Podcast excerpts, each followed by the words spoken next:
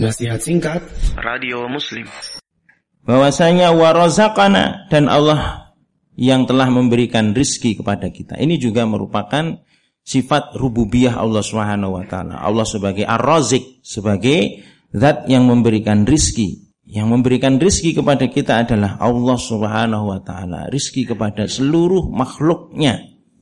Ya, rizki kepada para manusia, rizki kepada jin, kepada tumbuhan, hewan, semuanya yang memberi adalah Allah Subhanahu wa taala.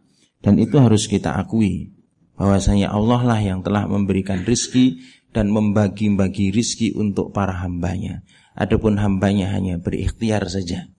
Ya, mungkin ada seorang atasan memberikan gaji kepada bawahnya itu hanya perantara saja.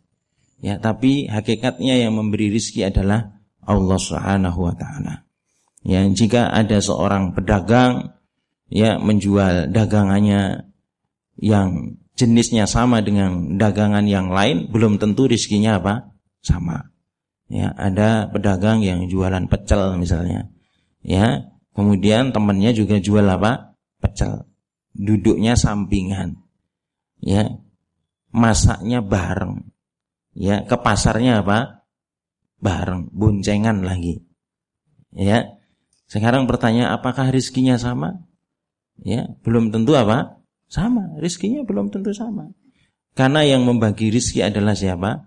Allah Subhanahu wa taala. Bahkan rizki seorang hamba sudah ditetapkan ketika seorang dalam kandungan ya, ketika dalam usia 120 hari ya.